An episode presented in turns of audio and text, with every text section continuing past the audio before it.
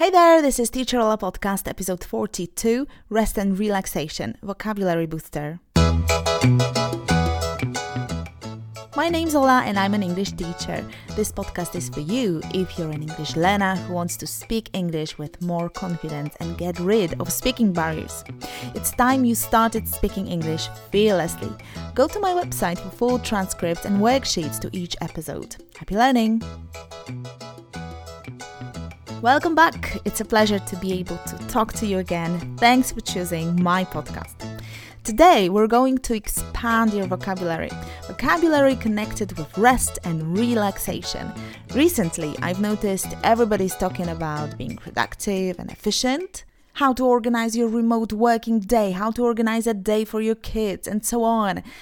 Don't get me wrong, I am a huge fan of schedules and plans, and I wouldn't be here um, if it wasn't for planning, especially now with the little one around.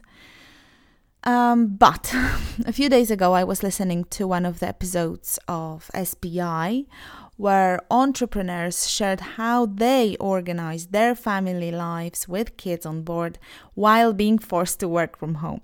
And if you struggle with this, if you think you're the only one, you're not. And tune on to that episode of SPI. It's Pat Flynn's podcast, of course. It'll lift your spirits and it'll give you some hints. Being productive is hot. However, I think we should not forget about rest. Parents, you need rest. You are trying to combine so many things. You have so much on your plate right now, and you have to rest just as much as you have to work and homeschool your kids. Rest is equally important here.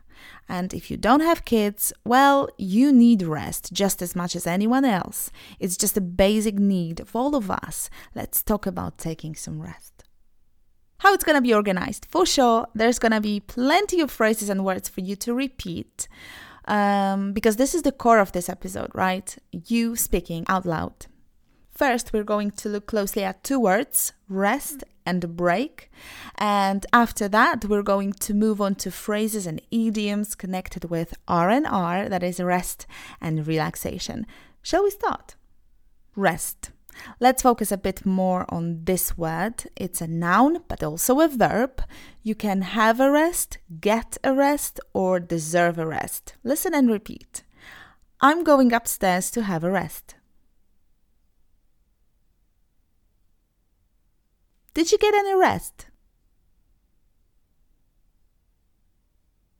The rest you're about to have can be described as a good rest. It can be also called a well deserved rest or a well earned rest. Let's practice. Why don't you go home and have a well deserved rest?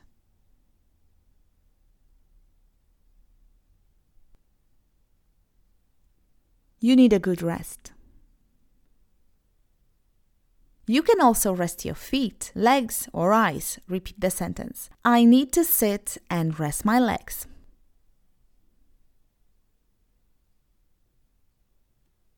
After a rest, you feel well rested, right? Listen the example. A well rested driver is a lot safer and more efficient.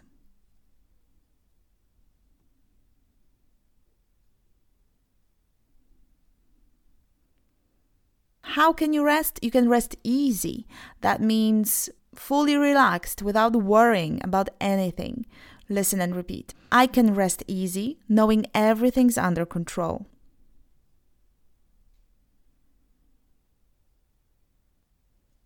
If there's something you're dealing with at the moment and you feel overwhelmed with it, what you need is to stop thinking about it and let the matter rest. That, mean, that means just relax and stop worrying. Repeat after me. The man apologized, but she refused to let the matter rest.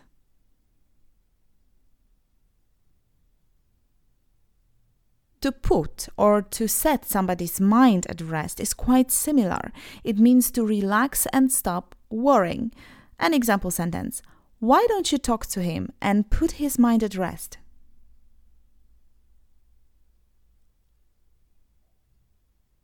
I've got two more phrases with the word rest. Listen and repeat the sentences and try to make out the meaning on your own, okay? Anna, just give it a rest. You've been talking about it all day. I've had enough.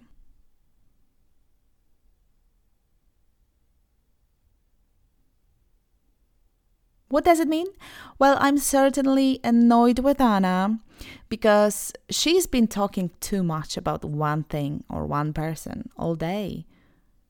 The second expression, and I know you know it, is to rest on your laurels. Oh my goodness, it's so hard to pronounce. Rest on your laurels. Rest on your laurels.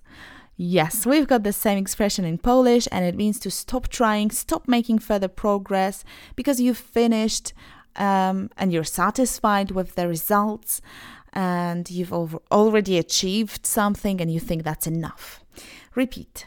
The leading company like ours can't afford to rest on its laurels.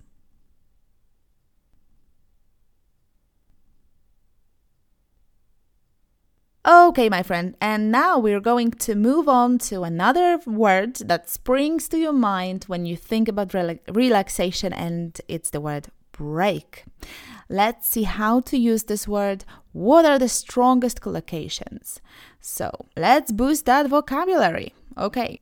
First and foremost, you can have or need or take a break. Let's practice. After two hours of intensive work, she took a long break.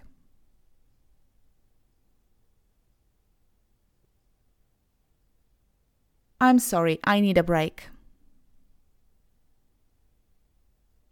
Would you like to have a break now?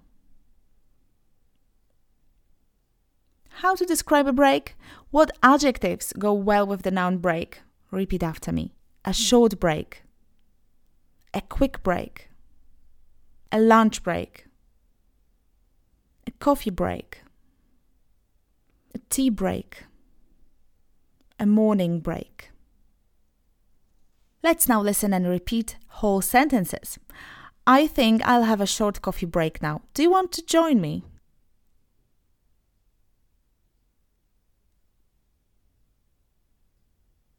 What time's your lunch break?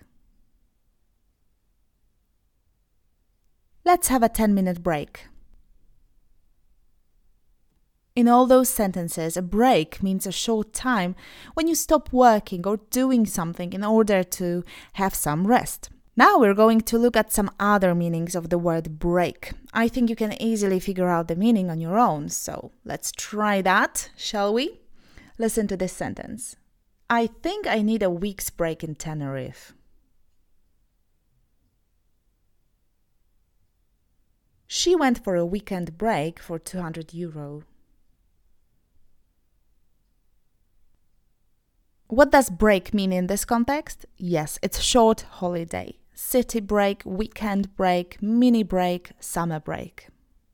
Break can also mean a longer period of time, and by longer I mean few days, weeks, months, maybe even years, when you stop doing something before continuing it again after this period.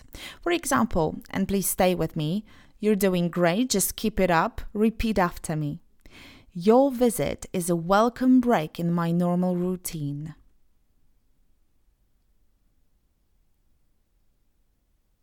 See, this visit somehow interrupted my normal routine.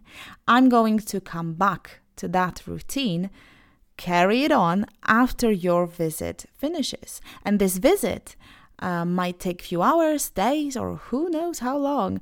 Two more examples. She decided to take a career break when she had children.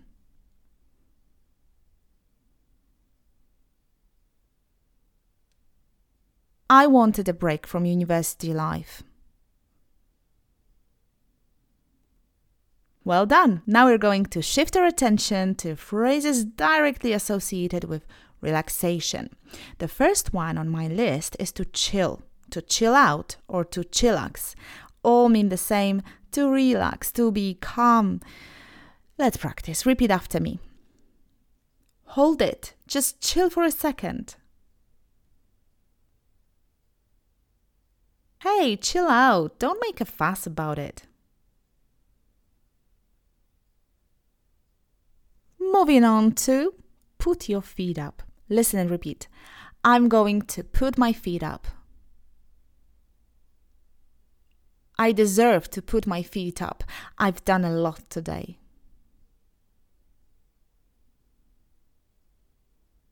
Well done. Another phrase to recharge your batteries. Listen and repeat. we took a trip to the mountains to recharge our batteries.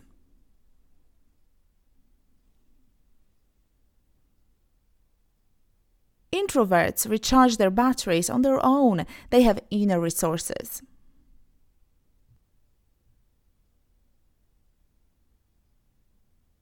Next one sounds really nice to mellow out.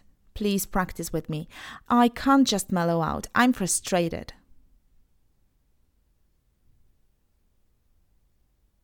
We just listened to music and mellowed out all afternoon.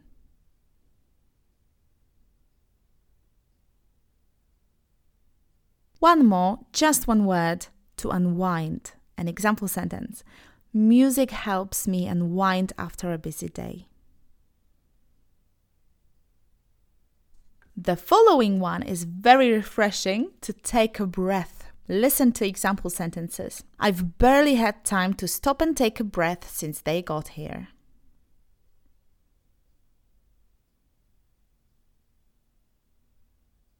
Try to chill out, take a deep breath, and remember why we came here.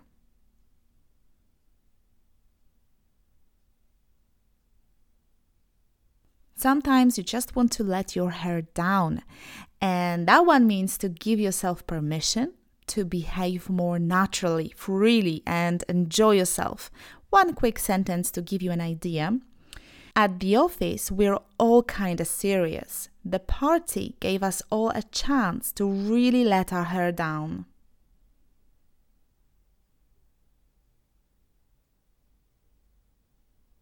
That one was quite long, so let me repeat this one. At the office, we're all kinda serious. The party gave us all a chance to really let our hair down.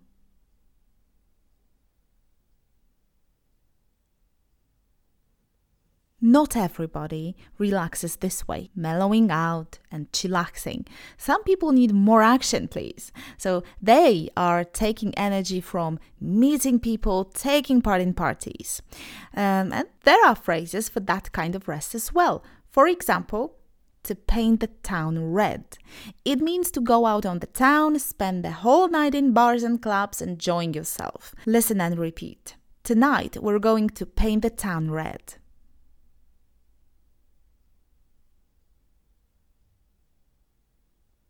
Another one expressing something similar to have a blast, to have a lot of fun, to have a great time doing something with others, usually. And let's practice. The kids are having a blast running around the beach all day.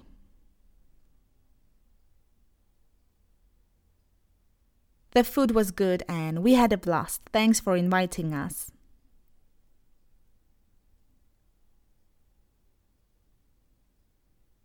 That was the last phrase today. Thank you for staying till the very end of this episode.